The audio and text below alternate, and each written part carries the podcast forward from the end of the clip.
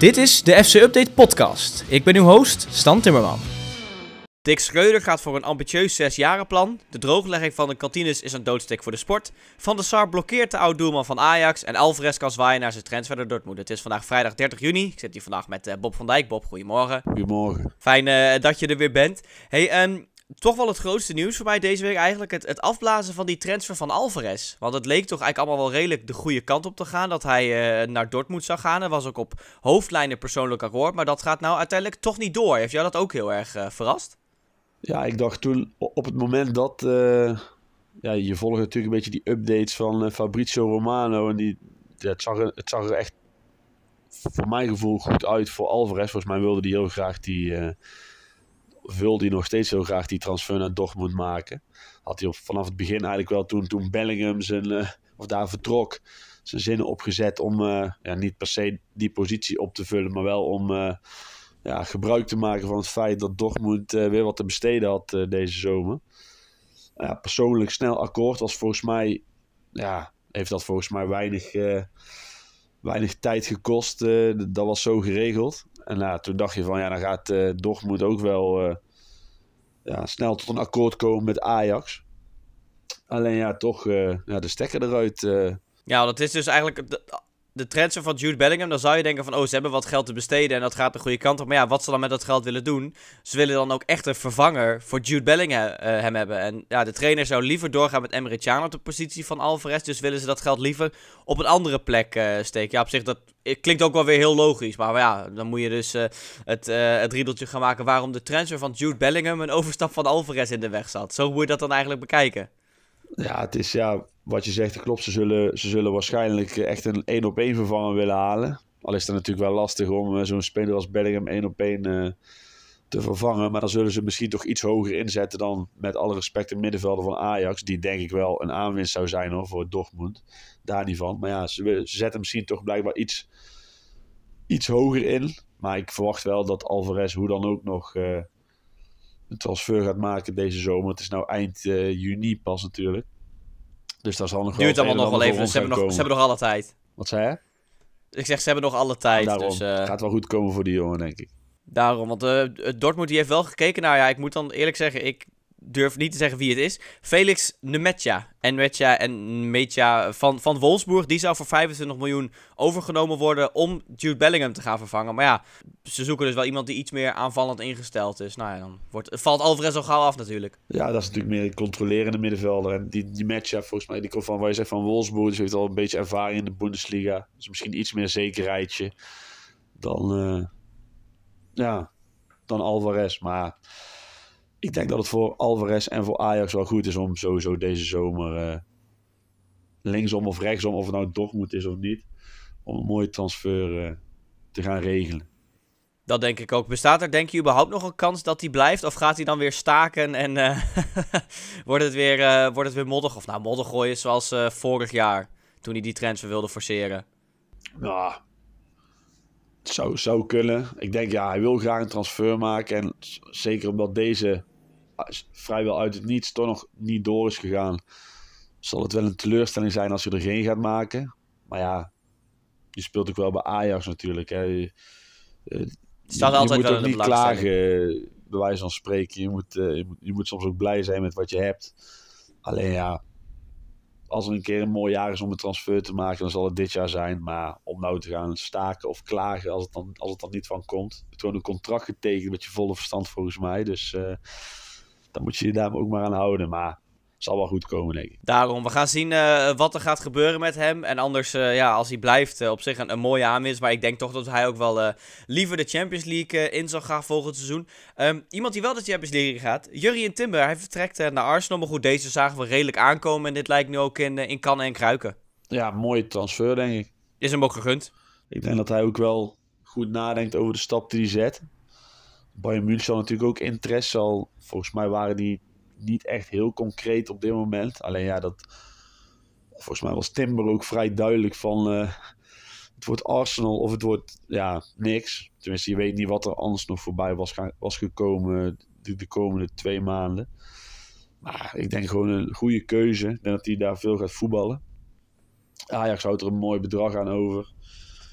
En ja, voor zo'n, hij is ook wel zo'n type speler waarvan je zo'n zo'n goede stap verwacht. En het, het, is natuurlijk wel een grote stap, want ja, het is niet niks. Maar ik, ik denk dat dat wel goed gaat komen daar met, uh, met Timber. Want er waren ook uh, een tijdje gerucht dat uh, Kim van, van Napoli, dat hij ook naar Arsenal zou gaan. Nou, dat lijkt niet door te gaan. Die lijkt namelijk uh, te vertrekken naar Dortmund. Dus dan ja, lijkt het me ook wel best wel redelijk logisch dat hij zich op de duur in de basis gaat spelen. Misschien wel komend seizoen al bij Arsenal. Ja, Timber is gewoon een hele goede speler. Dat, ja, heeft, afgelopen jaar heeft natuurlijk wel een, een minder seizoen gehad bij Ajax. Dat kwam natuurlijk omdat zijn maatje Martinez is vertrokken. Maar ik denk, ja, hij, moest echt een voor mijn gevoel een beetje de kart trekken bij Ajax. Ja, daar, was hij misschien ook nog niet helemaal klaar voor. Maar om, de, om dadelijk uh, bij Arsenal, ja, dan ga je natuurlijk wel met nog betere voetballers om je heen spelen. Misschien ook uh, ja, een, een, fysiek sterke centrale verdediger er langs, dat, dat hij lekker kan voetballen. Ja, denk ik dat dat wel een, uh, een transfer is die, ja, waar ik het wel in zie zitten, zeg maar. Hij is denk ik een van de weinige Ajaxiden die niet uh, door de ondergrens uh, zijn gezakt uh, afgelopen jaar. En weet je, het is ook wel redelijk logisch dat hij een overstap gaat maken. Alleen wel, ik denk dat we met z'n allen, ook met het oog op het WK volgend jaar, dat we gewoon hopen dat hij een, een plek in de basis kan veroveren. Dan moet hij onder andere met, met Ben White de strijd aangaan. Maar goed, hij wordt ook alleen maar beter natuurlijk van die, van die concurrentie. Hij levert volgens de Telegraaf 42 miljoen op. En dat kan nog oplopen tot 47 miljoen. Ja, Arsenal vind ik al met al ook wel een goede keuze voor hem. Want hij had waarschijnlijk ook wel naar United kunnen gaan. Dan was natuurlijk vanaf het moment dat Ten Hag daarheen ging, waren die geruchten al uh, geboren. Maar ik denk dat dat Arsenal wel een, een, nou ik zou niet zeggen perfecte, want die bestaat denk ik niet, maar toch wel een hele, hele goede stap is uh, voor hem qua club ja, ook. Hij is een speler die daar ook, uh, dat, tenminste dat denk ik, die daar ook goed over nadenkt over welke stappen die zet of, of juist niet zet. Volgens mij wilde hij liever niet naar Bayern. Ja, dat komt natuurlijk ook omdat zijn, zijn maatjes van Ajax daar voetballen, of ja, voetballen, die, die staan er die, onder die contract. staan er onder contract. Ja. Dus uh, ja, ik denk dat deze jongen wel goed nadenkt over de stap die hij wel of niet zet. Dus daar heb ik wel een goed gevoel Daarom. bij. En er is natuurlijk ook, uh, um, er is ook een Nederlandse assistenttrainer bij Arsenal. Dus wie weet hebben, heeft hij ook nog wel contact uh, met hem gehad ja, over de eventuele transfer. Ongetwijfeld. Hey, um, bij, er ligt een, een, contract voor hem klaar. Een vijfjarig contract, 150.000 euro per week. Dus als hij dat hele contract gaat uitdienen, verdient hij gewoon even een kleine 40 miljoen bij Arsenal. Dat is eigenlijk ook wel krankzinnig. Maar hij is 22, hij is jonger dan wij allebei.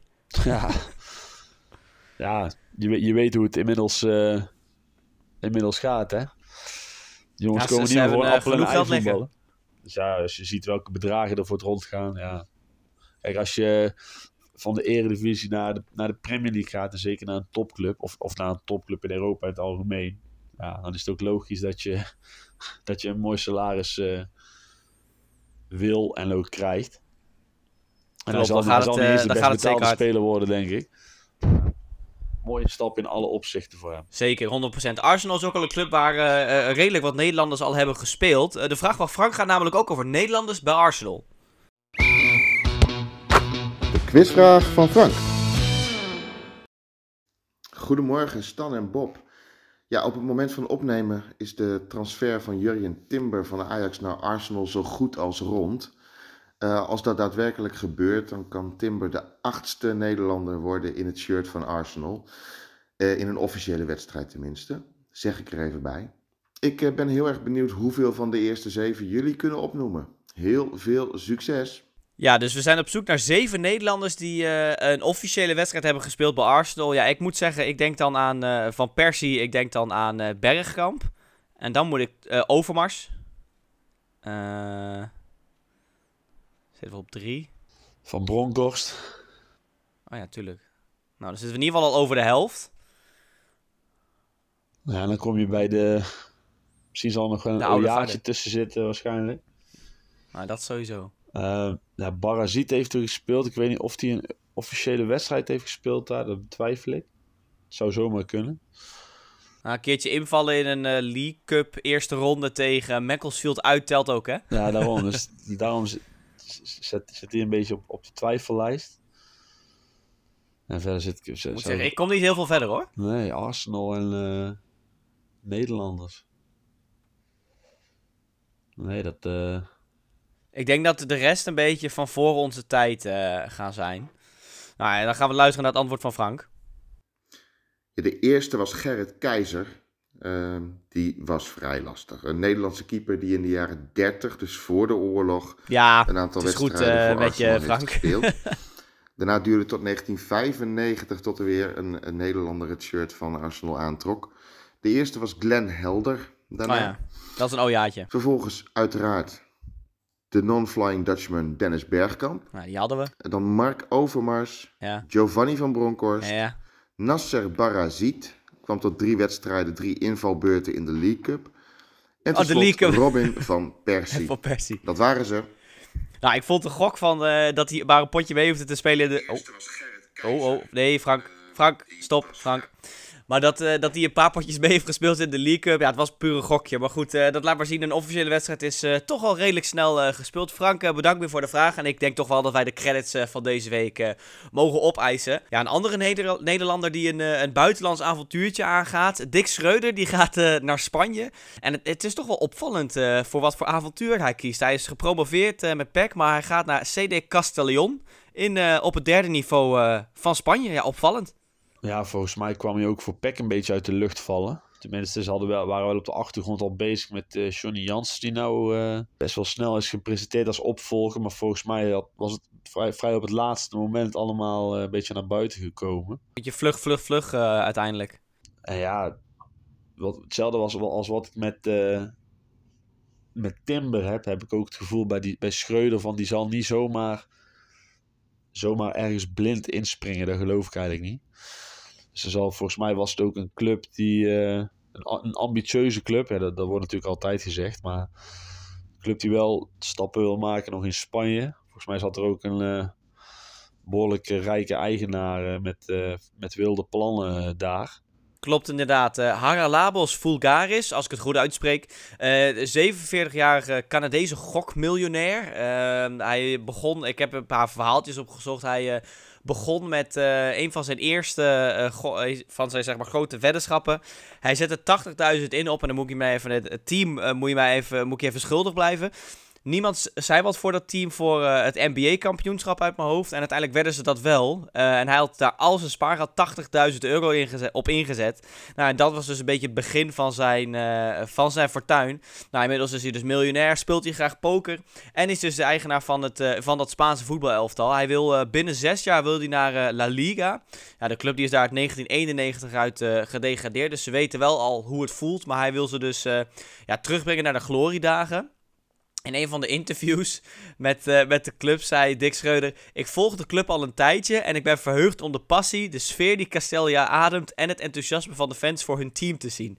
Maar dat hij die club nou al een tijdje volgt, ja, dat weet ik niet. Daar zet ik toch wel mijn vraagtekens bij, moet ik zeggen. Nou, dan, dan, dan zal er wel al langer wat spelen dat, dat die belangstelling is. En zal er wel, zullen ze dat wel een beetje onder tafel hebben gehouden. Want ja, ik neem aan dat je niet voor je lol... eh, volgens mij spelen ze het derde niveau van Spanje... dat je daar voor de lol eh, serieus gaat volgen. Dus dan zal er wel al langer iets spelen tussen... eh, of dat de interesse een beetje, beetje was. Maar ja, ik denk, ja... Aan de ene kant, hij, zal er wel leuk gaan verdienen dan meer dan bij, met alle respect bij PEC. En eh, dan kun je wel met- met PEC de eredivisie in. Dat heeft hij ook knap voor elkaar gekregen afgelopen jaar natuurlijk. Toen is die PEC ook een aantal keer trouw gebleven. Terwijl hij de kans kreeg om al een mooie stap eh, omhoog te zetten. Maar de, de kans dat het, dat, dat het natuurlijk met dat PEC nu tiende gaat worden... is natuurlijk ook niet zo heel, eh, heel groot, denk ik. Hij, zit, hij zit nou een beetje op een, eh, op een tweesplitsing. Voor mijn gevoel kan hij dan zeg maar de Zwolse Dick Lukien worden. Die eh Zwolle toch een aantal jaar nog in de eredivisie eh, gaat houden. Ja, of hij gaat gewoon echt dat, dat, verha dat, dat verhaal gaat hij beginnen bij Castellon. Ja, je weet het niet. Ik bedoel, iemand met heel veel geld erachter. Nou, de kans dat ze promoveren één keer minimaal is best wel groot. En ja, wie weet gaan ze per ongeluk ook wel gewoon de, de La Liga in. En dan ja, is ook voor zijn bekendheid is dat goed. Voor zijn, voor, zijn, eh, voor zijn naam gewoon ook in het buitenland. Dus ik vind het op zich nog wel een leuke stap. Misschien speelt hij wel gewoon voetbalmanager in zijn hoofd. Zo kun je het ook zien. Ja, dat is sowieso qua, eh, qua leven is het natuurlijk ook wel denk ik een mooie, een mooie stap om daar eh, aan de slag te gaan in Spanje.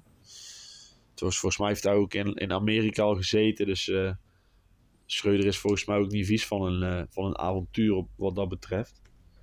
Dus ja, Nee, klopt.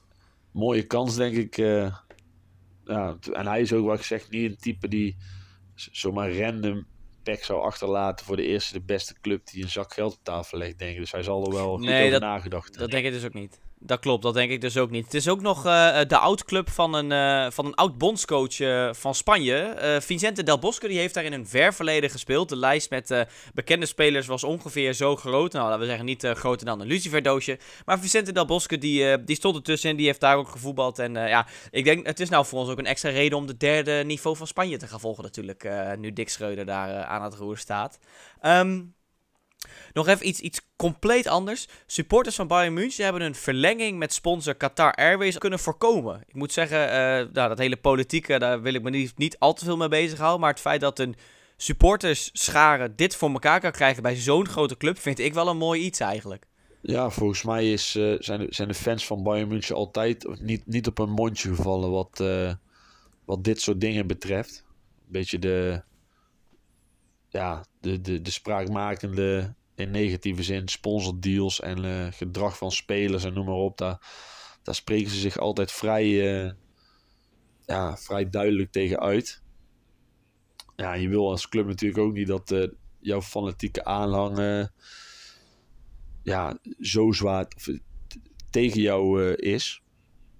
Of tegen jouw keuze Nee, maar goed, je ziet bij, eh, bij meerdere clubs, bij, bijvoorbeeld bij Ajax of een Feyenoord regelmatig, dat clubs besluiten nemen waarbij de harde kern dan denkt van, wat is dit nou weer? Natuurlijk, de harde kern moet niet eh, de club gaan leiden, maar ja, ik denk toch wel dat de mening van supporters in, in Nederland vaak een beetje naar de achtergrond wordt gedrukt, heb ik het gevoel. En dat het bij, de, bij Dortmund of bij, eh, bij, bij Bayern München dan niet zo gebeurt, zeker ook in dit Ja, geval. Ik denk ook wel dat, dat de verschillen wat dat betreft tussen Nederland en Duitsland ook wel eh, behoorlijk groot zijn. In de zin van, eh, volgens mij gedragen de supporters in eh, Duitsland over het algemeen een stukje beter dan in, eh, dan in Nederland. Ik denk dat het na, zeker na afgelopen jaar in Nederland heel raar zou zijn als fans van welke club dan ook. Volgens mij heb je elke club wel een keer ongeregeldheden gehad.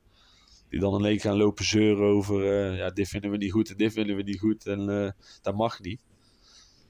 En volgens mij is het in Duitsland altijd een stuk eh, rustiger en netter wat dat betreft. Ja, als je jezelf goed gedraagt, dan kun je ook, eh, ja, dan kun je ook met zo'n boodschap richting jouw club komen, denk ik. En dan, dan mag dat denk ik ook. En dan zeg ik niet, het moet wel duidelijk zijn dat er natuurlijk eh, in Nederland lang niet iedereen eh, zich misdraagt. Hoor. Dat is altijd maar een heel klein groepje. Alleen ja, volgens mij Bayern München altijd wel. met, volgens mij was er pas ook iets met in Duitsland. Of met een bepaalde. Met, met de regenboogvlag of zo. Dat een speler die niet wilde dragen. Of eh, ik weet niet precies of, of het ook bij Bayern was. Maar dat ook de fans zich daar tegen uitspraken van. Dat ze daar niet achter stonden dat de speler dat niet deed. Nou, supporters hebben sowieso in Duitsland een redelijk bij, bij, bij Dortmund, of bij, ik zeg weer Dortmund. Bij Bayern München is het ook nog zo dat, eh, dat supporters gewoon ook daadwerkelijk, die mogen bij allemaal vergaderingen aanwezig zijn. Die hebben echt heel veel inspraak. En dat is volgens mij, ondanks dat een club zo groot is, dat ze dat nog steeds toelaten. Ja, dat is volgens mij ook hoe het hoort. Want voetbal is voor de fans en niet voor eh, ja, dat commerciële gewin van, eh, van een club natuurlijk. Maar dan moet je wel Ehm, zeggen dat je bij Bayern we- heb je ook altijd natuurlijk, als je dit, die wedstrijd zit te kijken, dan zie je ook altijd eh, mensen daar in zo'n eh, T van het T-Mobile zitten. Dus ja, we moeten het ook niet groter maken dan het, dan het, dan het natuurlijk allemaal is.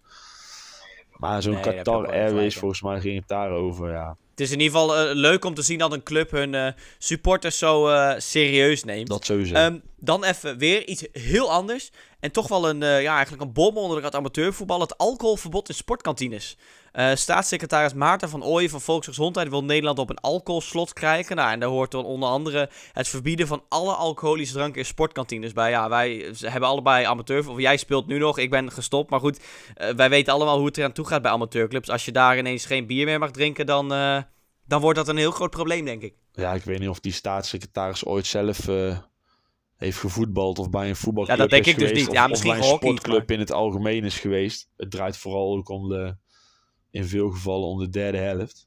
En eh, dit is echt zo'n zo'n ding dat je, dat je denkt van hoe, hoe kun je het verzinnen om het überhaupt... eh, Nou, dat je het verzint is niet eens heel erg. Dat je, er, dat je het bedenkt en dat je er een plan over gaat uitwerken, Allah. Maar dat je dan op een gegeven moment ook nog echt wil gaan doordrukken. Dat dan niemand in dat traject heeft bedacht dat dit niet helemaal de oplossing is voor het probleem wat je wilt tackelen. Ze willen bijvoorbeeld ook uh, verbod op speciaal bier en wijn in supermarkten. Geen alcoholmarketing meer in de sport. Dus ook niet voor 0.0 bier bijvoorbeeld. Uh, ophogen van de accijns op alcoholhoudende dranken willen ze maar liefst 50% op. Ja, dat, dat schrijft de Telegraaf allemaal op basis van Haagse bronnen. Maar ja, dit, ja, voor mij heel Nederland is sowieso wel redelijk uitgesproken over een hele hoop dingen. En ik denk dat dit ook niet zomaar voorbij zal gaan. Nee, dit, dit is echt een beetje betutteling, vind ik dit. Dat is echt, ja... Het slaat echt nergens op. Dat is wel grappig dat je dat zegt. Rutger Herema van de VVD. Ik ben het uh, niet heel vaak eens met de VVD. Maar goed, uh, hij zei inderdaad betutteling van een ongekend niveau. Dus het is wel toevallig dat jij dat ook zegt. Maar ja, dat, dat laat het denk ik wel zien. Wat er eigenlijk nou het probleem is. Want wat maakt het nou uit dat mensen een biertje drinken op de voetbal. Want voetbal is meer dan alleen het, het spelletje. Dat is ook verbroedering en vrienden maken. En je kunt natuurlijk ook vrienden maken zonder alcohol. Dat begrijp ik ook wel. Maar volgens mij weten we allebei waarom dat nou gewoon leuker is als je lekker een biertje drinkt op de zaterdagmiddag. Het is ook niet dat iedereen op maandagmiddag laveloos bij de Klaverjasclub zit, noem maar op. Het gaat gewoon om de zaterdagmiddag. En ja, volgens mij lijkt dit ook niet helemaal de bedoeling. Chris Woert zei een doodsteek voor de sport. Nou ja, ik ben wel benieuwd hoeveel mensen er daadwerkelijk zullen stoppen met voetballen als ze uh, in de kantine alleen nog maar cola mogen drinken achteraf. Want dat zullen er vast opvallend veel zijn. Ja, ik moet zeggen, wij spelen altijd hier uh, op zondag. Dus dan wil het nog wel eens voorkomen dat we op de maandag niet, niet helemaal topfit zijn.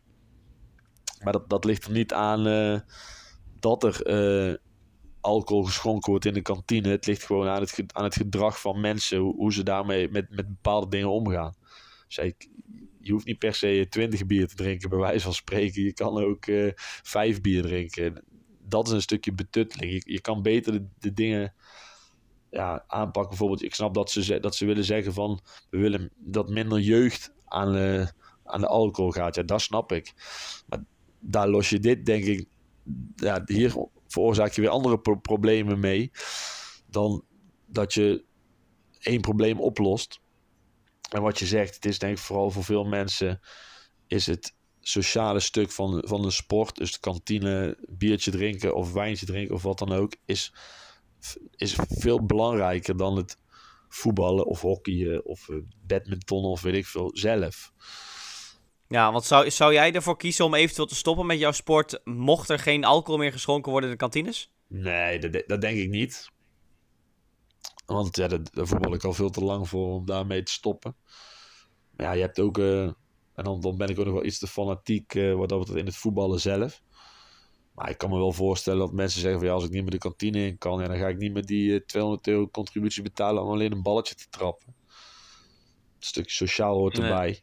En, uh... Het zal echt een, een probleem zijn voor de sport als uh, zoiets er doorheen wordt gedrukt. Ja, het lijkt me toch met uh, zeker ook de, de backlash die, die ze krijgen van de mensen in Nederland en zelfs ook uit de politiek. Dus lijkt het me niet dat, dat ze dit gaan doen. Dan blijven we even in het amateurvoetbal. Voetbalclubs VV Hardergerijp en Herenveense Boys die stonden tegenover elkaar in de finale van de play-offs om promotie-degradatie. In de reguliere speeltijd kreeg Herenveense Boys een rode kaart. Uiteindelijk werden er de strafschoppen, maar niemand van Hardergrijp werd uitgesloten voor die strafschoppen. Of er werd gevraagd van wie wil hem niet nemen. Dus zij hadden een mannetje extra. Ja, ze hebben uiteindelijk gewonnen. Maar ja, Boys wil nu dus die strafschoppenserie over laten nemen. Uh, ik moet zeggen, hoeveel er gemist zijn, geen idee. Hardergrijp won met 8-9. Dus het kan ook nog wel zijn dat dat inderdaad degene die in principe niet had moeten nemen, dat hij er wel bij zat. Ja, nu is het de vraag, hoe willen ze dat uh, gaan oplossen? Inmiddels zijn er ook spelers op vakantie. Er is bij Hardergrijp een nieuwe trainer. Het is al met al een hele aparte situatie. Uh, de KVB heeft het verweer van de Heerenveense Boys toegestaan. Hardergrijp ging er dan weer tegenin, maar dat is verworpen. Dus het is een hele aparte situatie. En waarschijnlijk willen ze één deze dagen nog die strafschoppenserie over laten nemen. Door een fout dus van de scheidsrechter. Terwijl ja, de helft van de selectie op vakantie is. Ja, en niemand kan er eigenlijk iets aan doen. Natuurlijk dat verhaal voor het eerst las, dacht ik eerst van, nou, wellicht uh, is het uh, 4-5 geworden in de strafschoppenserie. En was diegene waar het bijvoorbeeld over ging, dat hij niet eens aan de beurt was gekomen. Maar dat is dus wel zo geweest. Die is gewoon aan de beurt geweest. Maar ja, wat ik dan ook weer denk, is stel nou inderdaad, de linksback neemt als laatste een strafschop. Dan hadden ze die eruit gehaald. Oké, prima. Maar dan mocht de spits eerder nemen. Dus op zich weet ik niet of het nou echt een voordeel is geweest dat ze iemand extra hebben laten staan. Maar ja, zo werken de regels natuurlijk niet. Dus eigenlijk, ik heb daar niet heel erg meegekregen. Maar dus een speler die rood heeft gekregen, heeft alsnog een straf, strafschop kunnen nemen. Of genomen. Nee, nee, nee. Hoe het zat is de, de um, Heerenveense boys kreeg rood. Dus die stonden met 10 man. Toen werden het strafschoppen. Hardergrijp hadden 11 spelers en Heerenveense Boys 10. Wat er dan moet gebeuren is, bij Hardergrijp moet er eentje uitgepikt worden die geen strafschop mag nemen. Dat je zeg maar gewoon met 10 tegen 10 die strafschoppenserie aangaat. En dat is niet gebeurd. En ja, ik snap ook niet het hele probleem. Maar ja, het staat gewoon in de regels. En het feit dat zo'n scheidsrechter op zo'n moment daar dan niet aan denkt. Ja, dat is toch wel een... Maar het is amateurvoetbal, dus... Ja, maar het is wel slordig. Ja, je had ook volgens mij denk gewoon kunnen zeggen van... eh, de eerste tien van het team wat rood heeft gehad, die neemt. En daarna begin je weer bij de nummer 1. Bij wijze van spreken. Ja, de KNVB heeft voor alles een regel. De KNVB heeft voor alles regeltjes. Dus ze zullen hier ook wel regeltjes voor hebben. Maar het is slordig. Maar ja, als ze die strafschopserie overnieuw laten nemen, dan ja, is het eigenlijk maar te hopen dat het team wat nu heeft gewonnen nog een keertje wint. Anders dan wordt het weer zo'n rel en dan krijg je de jaren later nog te horen. Zal het nu ongetwijfeld ook zo zijn. Hoor. Ja, ach, we gaan zien eh, wat, het, eh, wat het gaat brengen. We, we houden het natuurlijk in de gaten. Ehm, Nick Hengelman, die is over twee weken bij ons eh, te gast in onze podcast. Outkeeper van onder andere FC Twente en Ajax. En hij heeft in een interview met Tubantia iets verteld over zijn ontslag wat hij kreeg bij Ajax. Hij kreeg een brief en die brief heeft hij uiteindelijk op Instagram gezet.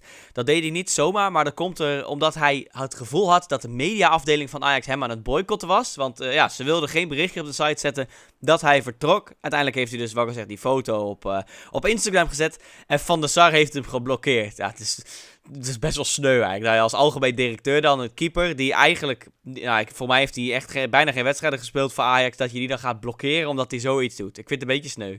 Het is een beetje klein is het wel, ja. Dan denk je, bel die jongen even op of uh, nodig hem even uit om een keer te, te praten of zo. Het is wel een beetje klein. Hij heeft uiteindelijk uh, een transfer gemaakt naar uh, Jong Ajax en Ajax Cape Town. Bij Ajax Cape Town heeft hij wel een, uh, een, een, jaartje gespeeld. En bij het echte Ajax, om even te zeggen, heeft hij niet gespeeld. Maar goed, op den duur werd hij daar dus eruit gegooid. En nou ja, hebben we, ik zou niet zeggen, nooit meer wat van gehoord. Hij heeft in Bulgarije nog even gevoetbald. Hij heeft ook bij Go Eagles nog onder contract gestaan. Maar echt heel veel wedstrijden heeft hij niet gekiept. Maar hij heeft in ieder geval een mooie lijst aan clubs. En nu dus een, een boek uitgebracht. En over twee weken is hij bij ons in de podcast om meer te vertellen over het boek. Um, dan een, een afsluitertje, Ziyech. we dachten dus allemaal dat hij naar Al Nasser zou gaan, maar dat staat nou ook redelijk op de tocht. Want bij de medische keuring blijkt dat hij knieproblemen had ja, die, dat moeten dan best wel flinke knieproblemen zijn. Uh, willen ze zo'n medische keuring heel erg in twijfel trekken en zeggen van nou, misschien willen we dan wel, niet helemaal niet hebben. Ja, ja, ik las ergens dat er ook al, hij kon natuurlijk afgelopen jaar ook naar Paris Saint-Germain. Dat er toen ook al een en ander was geconstateerd dat het niet helemaal in orde was met, met de knieën van, of met de knie van Ziyech. Ja, zou voor hem natuurlijk wel heel erg zonde zijn. Tenminste, ik had ik vind zo'n speler als Ziyech, die moet nog, die moet nog niet naar, de, naar Saudi-Arabië gaan, vind ik. Om af te bouwen. Om af te bouwen. Die had nog lekker een, mooie, een mooie stap moeten zetten. Of een, of een leuke afscheid. Ik snap, ik snap wel dat hij, ervoor, dat hij er uiteindelijk voor kiest om daar naartoe te gaan of daar naartoe te willen. Want ja, voor, grof geld verdienen, mooi met Ronaldo voetballen.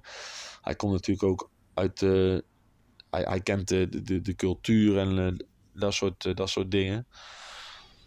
Maar het is, het is wel zonde voor hem dat er nou weer, tenminste als het allemaal uh, zo blijkt te zijn, dat er weer op zo'n manier een, ehm, een streep gaat door een voor hem mooie stap. Natuurlijk, Paris Saint-Germain was natuurlijk een mooie transfer geweest qua sportieve uitdaging.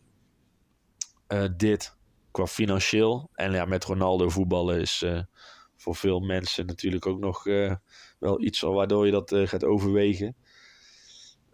Ik denk overigens niet dat hij financieel heel veel hoeft te klagen na de afgelopen jaren, hoor, maar dat, dat terzijde. Ja, het zou voor hem natuurlijk heel zonde zijn. En ik ben benieuwd wat er dan van gaat komen op het moment dat, dat, dat dit daadwerkelijk niet doorgaat.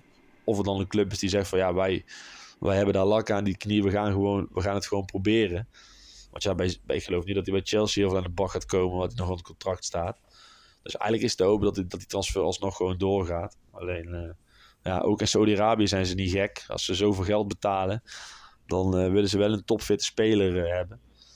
Maar het is wel heel zuur voor hem. Ja, inderdaad. Dat was ook een beetje mijn volgende vraag. Van, ja, hij, heeft wel een pech inderdaad. Ook met die transfer naar Paris Saint-Germain nog uh, in het achterhoofd. En dat hij dat nu ja, wellicht weer moet blijven bij Chelsea. Want er zijn volgens uh, een, uh, een Saudische krant nog een aantal andere punten waar de clubs het niet uh, over eens zouden zijn. Ja, nogmaals, hij, hij heeft wel een beetje pech op zulke momenten. Ja, sowieso. Dat is, dat is heel zonde voor hem.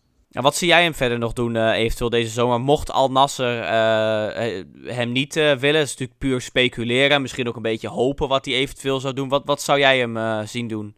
Ja, dat is lastig als je en nu, nu praat je daar steeds natuurlijk over eh, met, met in je hoofd dat hij dan die problemen heeft met, met die medische keuringen. Dus dan, ga je kijken van welke club gaat zijn vingers er wel aan branden in die zin. Ja, ik denk hij is volgens mij 30 nou. Dan vind ik het nog wel een beetje vroeg om terug naar Nederland te gaan. En dat ze bij Ajax goed kunnen gebruiken. Maar ja, ik denk ook niet dat hij dat, dat, hij dat wil. Zeker ook nu niet, omdat Ajax de Champions League heeft misgelopen. Wellicht als Ajax wel de Champions League ging, was het een ander verhaal. Maar nu Europa League, ja, dan lijkt het mij eigenlijk dat, dat, uh, dat daar een streep doorheen kan. Ja, ja zo is volgens mij... Uh, Al Nassr speelt volgens mij ook geen Champions League. Dus tenminste nee. de Aziatische nee, Champions die, League. Maar dat, dat stelt ook niet zoveel voor. Die hebben een paar andere dingen te bieden die Ajax dan niet uh, te bieden heeft op dat moment. Nou, ik had wel graag gezien dat hij... Volgens mij was ook een tijdje sprake van... Uh, AC Milan was een tijdje sprake van... Ja, dat lijkt me wel een mooie club voor zo'n speler ja, het is lastig te zeggen. Of misschien een stapje terug in de Premier League. Dat je op een iets lager niveau dan de, echt de absolute top, top 6 speelt. Waar je toch lekker kan voetballen. Want goed voetballen, dat kan je natuurlijk wel. Dus uh, het, is, het is eigenlijk maar te hopen dat die transfer naar, uh, naar Saudi-Arabië nou alsnog gewoon doorgaat. Dat zullen we de, zullen we de komende dagen wel, uh, wel horen. Zeker. Dan uh, stel ik voor om uh, de podcast van vandaag uh, af te sluiten. Afgelopen woensdag hebben wij een seizoensoverzicht gemaakt van PSV. Dus heb je die nou nog niet gehoord, ga die dan zeker eventjes beluisteren. Geef onze podcast een beoordeling op Spotify. Beantwoord de Q&A onder deze podcast. Die gaat over, over het alcoholverbod die, eraan, die eraan zit te komen wellicht. Bob, jij bedankt. en ik spreek jullie vrijdag weer. Nee, vrijdag, maandag zelfs.